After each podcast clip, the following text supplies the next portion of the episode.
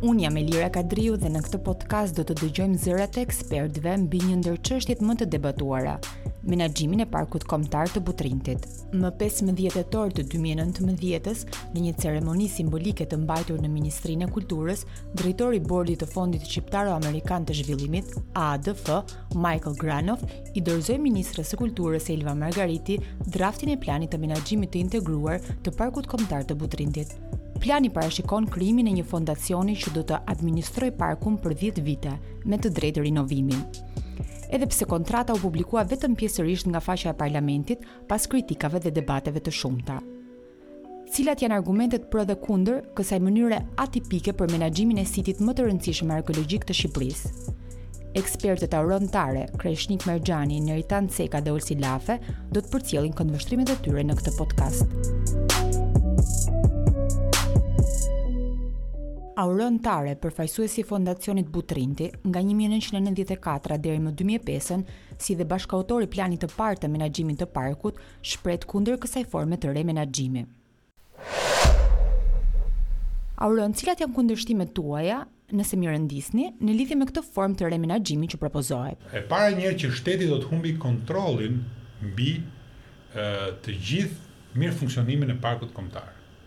Pra shteti nuk do të jetë më shteti që e kontrollon. Pse? Se në këtë bordin e ri që është krijuar është vetëm ministrja një votë. Katër votat e tjera janë vota private, pra janë dy anëtarë të AADF-së, që është një fond privat, financiar. Është një arkeolog anglez me të cilin të gjithë klasa arkeologjike shqiptare e konteston sepse ka në mënyrën e tij të konceptimit e tjera e tjera është kundër arkeologjisë shqiptare.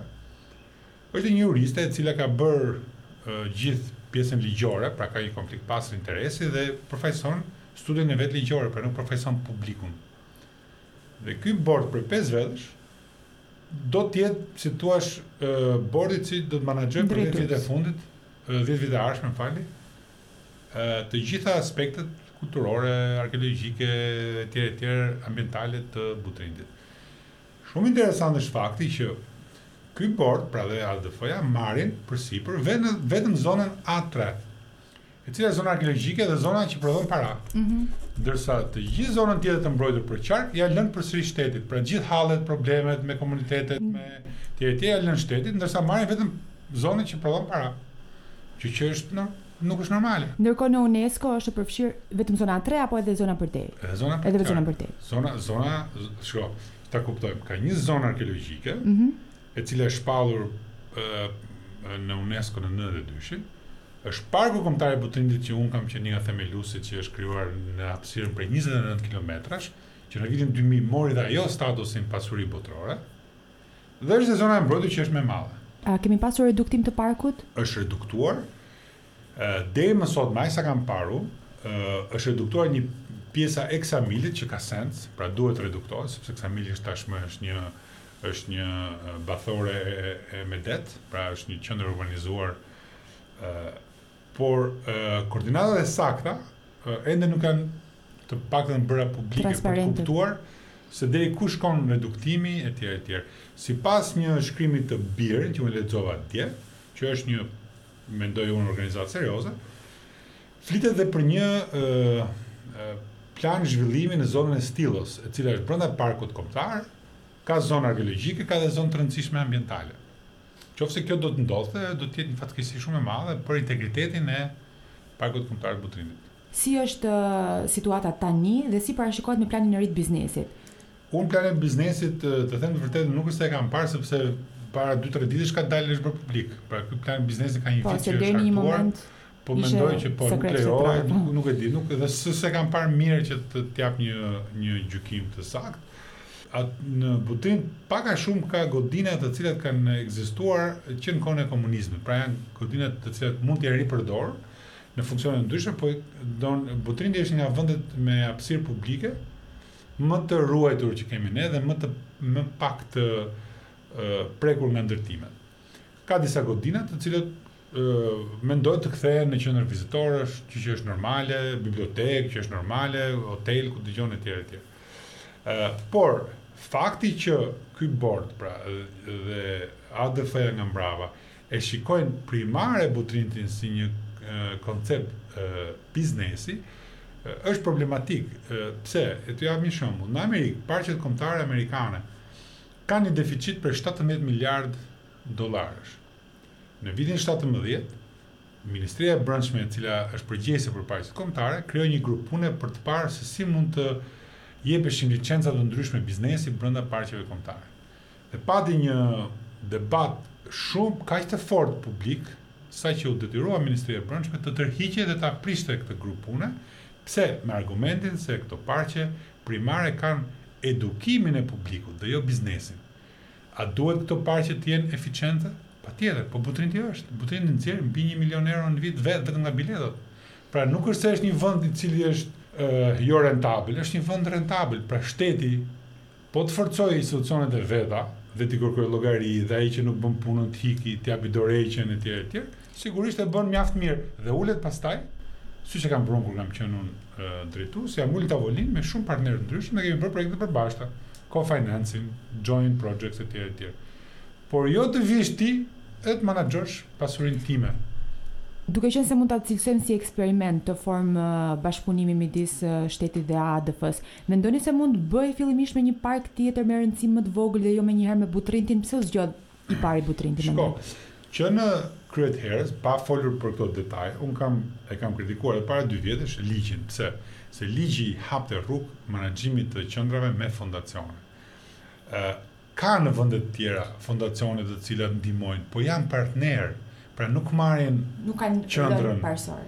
nuk marrin qendrën ta manaxhojnë, po janë partnerë brenda, në La Scala që e përmendin dje në emision, apo ku di unë Arena di Verona etj etj. Pra janë fondacione të cilat ndihmojnë shtetin dhe ka kudo, ka banka të cilat Ka ka filantropë në gjithë botën. Metropolitan Museum është një qendër e rëndësishme botërore që bëhet që mbështetet nga shumë filantropë. Këto forma njifen dhe në Angli njifen, por nuk janë parësore, pra nuk e marrin ata për administrim. Dhe kjo do t'i hapte rrugë një do një precedent të rrezikshëm, se ti nesër për shembull mund të kesh një fondacion grek të respektuar vjen dhe thotë ju Gjirokastrën nuk dini ta menaxhoni, na jepni neve. Pra ka probleme të tilla. Vjen një fondacion turk dhe thotë ma jepni mua Krujën, ta menaxhoj unë. Pra janë disa disa tempuj të rëndësishëm të identitetit kombëtar, të cilat ti si komb duhet t'i menaxhosh vetë, t'i kesh si pasqyrën tënde të trashëgimisë kulturore, pra është fytyra jote, është interesi jot etj etj. Dhe mund të bashkëpunosh me kë të duash, po je ti primari. Prandaj dhe kjo idea që shko të japim një qendër tjetër etj etj nuk funksionon mendoj unë sepse do të Për shembull që mos ta mos ta holl- bëjmë shumë teknike. Unë po një pyetje për shembull përse Greqia nuk e jep Akropolin AADF-së ta manaxhojë. Ose AADF-së në Greqi për shembull. Ta japi Akropolin ta manaxhojë një kompani amerikane. a- Përse Izraeli që ka që ekziston vetëm sajë të Amerikës, nuk lejon asnjë koncesion amerikan, asnjë shkollë amerikane të manaxhojë qendrat e veta. Izraeli nuk lejon. Përse Italia nuk lejon? Përse Mali i Zi nuk lejon? Dhe përse ne në Shqipëri duhet ta lejojmë? Është pyetja. Nuk është gjetur asnjë shembull që të bëjmë një paralelizëm të situatës, jo. Nuk ka. Ministrja në Parlament tha për Versajen, por në fakt në një emision tjetër ia treguan ministres që në fakt Versaja nga tetëmbëdhjetë anëtarë bordi, pesëmbëdhjetë i kishte institucione shtetërore, tre ishin banka. Pra, publikja prevalon ndaj privates. Është interesi publik në këtë rast. Nuk po themi për një port. Port, ndoshta shqiptarët s'dinë ta menaxhojnë. Okej. Japi një kompanie X, ta menaxhojmë për të ardhur më të mirë etj etj. Po qendra arkeologjike është nuk ka, nuk ka shtet që ta japë këtë histori, nuk ka. A ka ndonjë përllogaritje për numrin e vizitorëve deri tani dhe fitimet që ofron Butrinti deri tani dhe deri ku do të çojë ky plan i rimenaxhimit? E ky është një problem tjetër sepse këta që kanë hartuar planin e menaxhimit, përfshirë dhe Ministrinë e Kulturës nuk kuptojnë, nuk e dinë se ku është pika e tejngopjes, sepse është një debat shumë i madh sot në botë, që shumë qendra të ndryshme, përfshirë Venecian për shembull, përfshirë Dubrovnikun, përfshirë shtetin e Norvegjisë, i cili e shikon turizmin si një problematik, jo më si një çështje zhvillimi, po si problematik, pse se dëmton sitin, dëmton, për shembull të shkosh në Butrint në verë, ti ke katërqind njerëz që vijnë vërdallë me gjuhë të ndryshme, domethënë është një humbet magjia, humbet eleganca, humbet poezia e Butrintit dhe bëhet një bëhet një faqe Facebooku me me tollovitje, domethënë humbet gjithë magjia. Dhe ne kemi punuar në Butrint pikërisht për të mbrojtur pejsazhet historike, pejsazhet homerike të quajtura. Koncepti që kanë këta Ministria e Kulturës apo njerëz të ndryshëm edhe në parlament që do rrisim numrin e vizitorëve është e gabuar. Është shumë e gabuar. Shikoni çfarë ndodhte deri vjet në Syrin e Kaltër. U bë një vend që urrehej nga njerëzit. Pse se ishin 400 veta që hidheshin ë atje te, te uji me njëri-tjetrin, ishte një një tmerr i vërtetë. Pra, rritja e numrit të vizitorëve krijon probleme të tjera dhe sekreti i një plani të mirë menaxhimi është balancimi, se si këta njerëz duhet t'i shpërndash, se si mos jenë të një ditë. A është e parashikuar kjo tek plani i ri apo? Jo. Jo, kjo pra sepse nuk është marrë asnjëherë mendimi i njerëzve që janë marrë me atë punë. Nuk është marrë, kanë ardhur dy njerëz nga Anglia, kanë pyetur njerëzit vërdallë, kanë bërë një raport, kanë marrë 250 mijë dollarë, kanë ikë shtëpi. Pra nuk është një gjë serioze, është nuk është bërë me njerëz të cilët kanë, ore unë kam jetuar 15 vjet atje. Unë di dhe qentë e fshatit, kush të ha dhe kush nuk të ha. Do kjo nuk është se unë jam i zgjuar, por unë kam jetuar atje, kam ndenjur me njerëzit, kam parë kam parë dhe pjesën e fshatarëve, kam parë dhe njerëz pjesën e shkencëtarëve dhe kam mu jam munduar që të krijoj një ide sa më të saktë të zonës. Ti nuk mund ta drejtosh Butrintin nga Londra. S'ka sens. Kreshnik Merxhani është ndër të parët specialistë që ka folur prej vitesh për rrezikun e menaxhimit të pasurive kulturore nëpërmjet partneritetit publik-privat. Kreshnik, a mund të kthehemi pak në kohë për të kuptuar se si nisi e gjitha kjo Dhe si kemi përfunduar në këtë pikë ku jemi vetëm një hap larg implementimit të këtij plani? Të falënderoj një herë për pyetjen, sepse tregon pak a shumë sot, situata sot tregon pak a shumë atë që ne e parashikuam që në momentet e para që u futën duart për të ndryshuar ligjin, edhe për të ndërtuar këtë konceptin e një fondacioni special, i cili do të merrte në menaxhim, ndryshe nga gati njëqind vjet përvojë që kemi në fushën e trashëgimisë, në qoftë se konsiderojmë gërmimet e viteve njëzet si pikënisje, do të bënte një ndryshim thelbësor, pra do t'i kalonte në menaxhim përveç se shtetit edhe një privati jo vlerat e trashëgimisë kulturore, por vlerën më të rëndësishme të trashëgimisë kulturore në vend dhe më të suksesshme, pra parkun më të suksesshëm i cili në në logjikën time po edhe në vizionin tim duhet të jetë një gur themeltar për të ndihmuar të gjithë sistemin e trashëgimisë kulturore të menaxhimit të trashëgimisë kulturore veçanërisht atë publik sigurisht sepse me institucione të forta ne kemi garanci si shoqëri që të kemi edhe partneritete me privatin Pikërisht sepse kemi institucione të forta, pra atë rolin e kontrollit, ne e dimë që i kemi institucione të forta, profesionale, të pavarura nga partia apo nga kjo politikë që s'ka politikë brenda, ç'është e drejta në Shqipëri, dhe pikërisht, pikërisht brenda këtij fokusi ka qenë edhe kundërshtia ime, sepse po na hiqni një nga elementët më të rëndësishëm për të siguruar këtë vizion. Si erdhi? Ka një histori më të gjatë para para këtij ligji që lidhet me shkrirjen e të gjitha ateljeve të restaurimeve, dobësimin e Institutit të Monumenteve, dobësimin e Institutit të Arkeologjisë dhe kalimin e të gjitha punimeve të restaurimit me tendera, me kompani private. Që nga momenti që ka ndodhur kjo, që i bie diku tek vitet 2000 deri sot, pra 2003, diçka e tillë me ligjin e 2003-shit. Deri sot ne nuk kemi asnjë kompani private të specializuar në restaurim. Pra ku na çoi kjo gjë? Përveç se kësaj, paralelisht janë edhe dy monumente kulture të menaxhuara nga privati, që është Kalaja e Lëkursit, shumë afër meqenëse pra me me detin edhe me Butrintin dhe Kalaja e Petrelës. Të dyja këto nuk është se shkëlqejnë në këtë menaxhim privat. Sigurisht nuk kanë ato një fondacion nga mbrapa, nuk kanë struktura, por roli i shtetit, roli i Institutit të Monumenteve, duke qenë i dobësuar, nuk arriti dot që dhe në këto dy monumente të krijonte atë tutelë ose në fund fundit atë partner, që të ishte ndihmues për të mirë menaxhuar dhe për të patur aty një histori të vërtetë suksesi. Në këtë kuadër, në këtë kuadër vjen edhe Butrinti.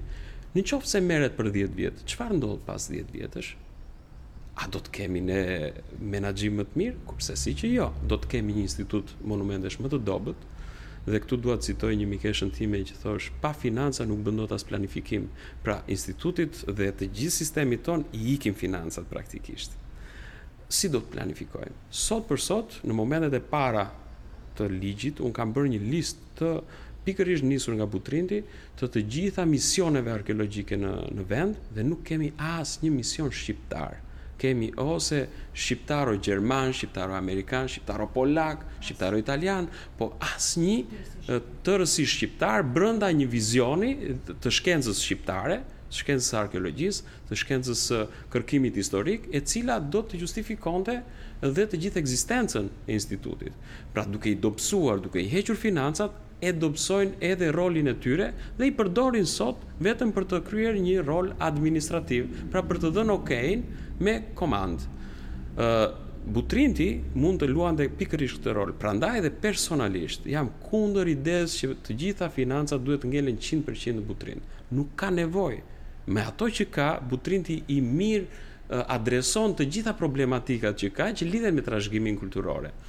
Pse mendoni se do ndikojë negativisht menaxhimi i Butrintit nga një fondacion privat në bashkëpunim me shtetin. Ja më lëni t'ju sjell një fakt i cili nuk përmendet shpesh këto ditë.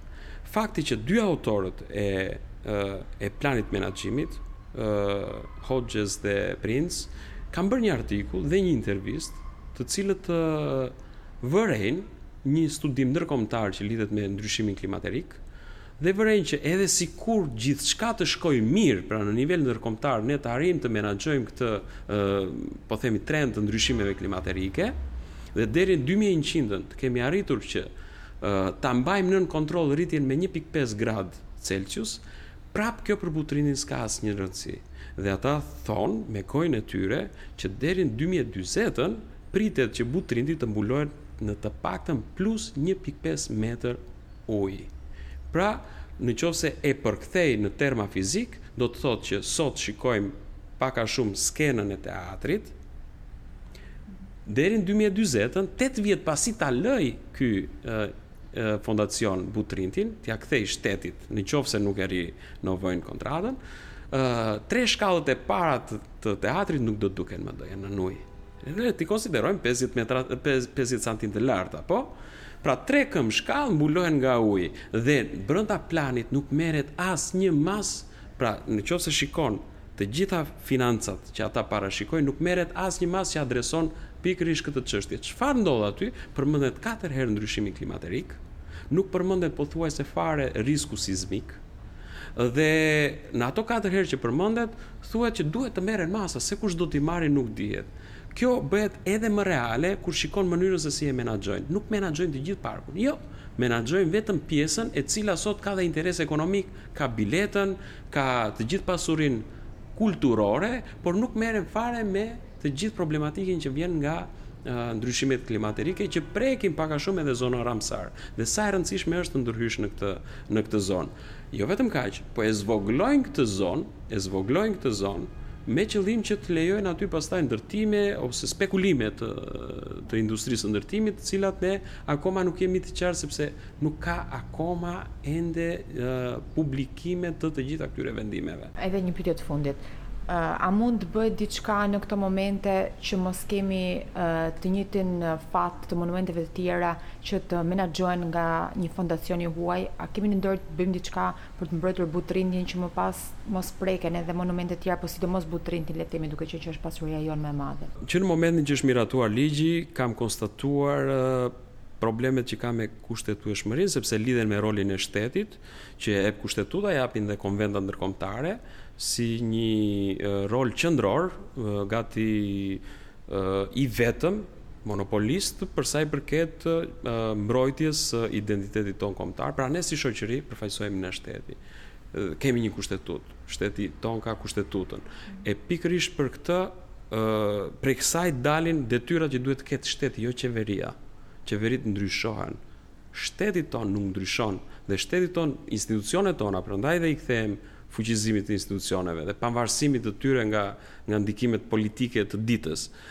Këto përfaqësojnë shtetin, institucionet, Kushtetuta mbi të cilat bazohen ligjet pastaj që i propozojnë qeveritë, të cilat në qoftë se janë në kundërshtim me Kushtetutën, në qoftë se nuk garantojnë rolin e shtetit mbi ruajtjen dhe konservimin dhe trashëgimin e kësaj trashëgimie që kemi deri më sot, atëherë kemi probleme kushtetueshmërie. Prandaj, ky ligj duhet të shkojë në mënyrë absolute në Gjykatën Kushtetuese dhe ndoshta dhe më lart, sepse implikon edhe konventa ndërkombëtare, për ta bërë, për ta anulluar ose në tërësi ose në pjesë të tija që cënojnë rolin e shtetit. Nuk, nuk implikohet vetëm Butrinti, implikohet dhe Gjirokastra, implikohet dhe Berati, në momentin që ligji thotë në momentin që kemi vlera të jashtëzakonshme universale, duhet një po them partner zyrtar Dhe nga ana tjetër, strategjik, më falni, strategjik, dhe nga ana tjetër duhet marrë miratimi në, në parlament. Mirëpo në Gjirokastër dhe në Berat ne kemi të shënuara banesat private si vlera të jashtëzakonshme universale. Atëherë këta njerëz këtu do kenë mundësi që t'i menaxhojnë nëpërmjet një fondacioni fjala vjen nesër?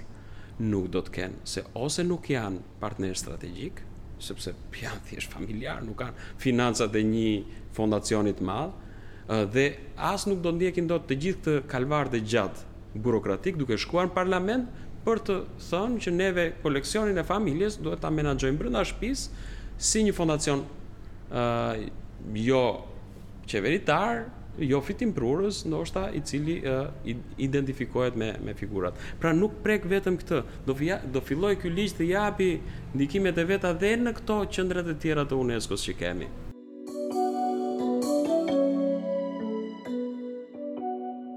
Arkeologu Neritan Ceka kritikon ashpër mospërfshirjen e specialistëve shqiptarë në bordin e Fondacionit të Menaxhimit të Butrintit. Mund të themi se kemi një orientim drejt ekspertëve të huaj, duke mos i dhënë rëndësinë e duhur ekspertëve shqiptarë. Si ndiheni për këtë? Ideja për ta përbaltur Shkencën shqiptare që për fat keq ka gjetur vend tek politikanët tonë, tek ata që drejtojnë Shqipërinë, majtas apo djathtas, nuk ka ndryshim, është pikërisht sepse shpeshherë pas këtyre, pas kësaj përbaltje, fshihen interesa të tjera. Pra shumë më kollaj t'i vjedhësh paratë, me një të huaj se t'i vjedhësh me shqiptarë, dhe sidomos me studiues shqiptar që e ka bërë arkeologjinë duke ngrënë bukë misri, domate, edhe gjizë aty ku ka punuar. Këta janë arkeologët shqiptarë, dhe nuk e shesin prodhimin e tyre, nuk e shesin për, për, për pesë lek. Kjo është, kjo është arsyeja, Që edhe na konsiderojnë enverist. Unë që përmbysa diktaturën, sipas këtij arkeologu, jam, jam enverist. Deri këtu arrin absurditeti, që me këtë artikull, që me këtë fjalë që thotë ai, ai në asnjë mënyrë nuk mund të ishte pjesë pjesë e drejtimit të një fondacioni që do marri përsipër drejtimin e Butrintit. Është pikërisht ky person që thotë Butrinti është grek, dhe që është adaptuar nga Ministria e Kulturës. Pra Ministria e Kulturës nuk beson Neritan Cekën, nuk beson Apollon Baçen, jo, nuk beson ata që punojnë Butrint që thonë Butrinti s'është grek. Prap megjithatë thotë anglezi, ministrja e jonë që ndjen veten komode vetëm kur është në Venecia, se duket sikur ka lindur atje, beson atë, se po i foli anglisht, edhe po i tha, Butrinti is Greek, është shumë më bindëse sesa t'i themi Butrinti është epirot, po i duket, po ia the anglisht, Zonja e ndjen, e ndjen veten shpirtërisht europiane. Ndërkohë arkeologë si Olsi Lafe janë më optimistë për këtë formë të re të menaxhimit, duke u shprehur se i duhet lënë kohë planit për të kuptuar se si do të zhvillohet. Olsi, duke qenë se është hera e parë që do të zbatojmë një plan menaxhimi të këtij lloji, Sa efektiv mendoni ju se do të jetë ky plan? Është hera e parë që propozohet. Unë do thosha që duhet të jemi të qartë dhe të qetë për diçka. Për sa kohë që ligjvënësi miraton, është po ligjvënësi që mund t'i kthejë, t'i përmirësojë, t'i saktësojë. Nëse Ministria e Kulturës, që është pjesë e bordit, konstaton probleme, është e para që në kuadër të procesit të monitorimit njofton ligjvënësin dhe ka akte, dhe forma administrative për të penguar, ngadalësuar, rishikuar dhe vendosur në shinat e drejta një proces, qoftë ai financiar, të ndërhyrjes në monumente, të gërmimeve, të çështjeve të mjedisit, pra, mendoj që pavarësisht modelit që propozohet, duhet kuptuar modeli dhe nëse modeli është në shinat e veta ligjore, me ligj të veçantë, me miratime nga parlamenti, Me të gjitha aktet e veta nënligjore që ndjekin linjën zyrtare, mbetet vetëm të shikojmë zbatimin e tyre dhe nëse kanë probleme, dhe pikërisht kjo skemë e ngritur administrative, juridike, financiare ka probleme në zbatim, të parët janë ekspertët që konstatojnë, të parët janë po ata që janë duke e zbatuar dhe shohin probleme ose ngecin në zbatimin e përditshëm të çështjeve, apo dhe vetë Autoriteti Shtetëror që është pjesë e Bordit. në këtë rast me dy përfaqësues dhe që ka tagrin për të ngritur çështje të cilat mund të shkojnë deri tek niveli i ligjzbatuesve dhe të kthejnë proceset në formën e duhur. Kështu që mendoj që nuk duhet të paragjykojmë procesin sepse nuk kemi parë zbatimin e e planit në terren. Ndoshta mund të flasim për një keqmenaxhim të Butrintit deri në këto momente Duke qenë që u mendua kjo formë e re? Jo, dëgjo, unë mendoj që nuk ka keqmenaxhim të Butrintit. Personalisht mendoj që nuk ka.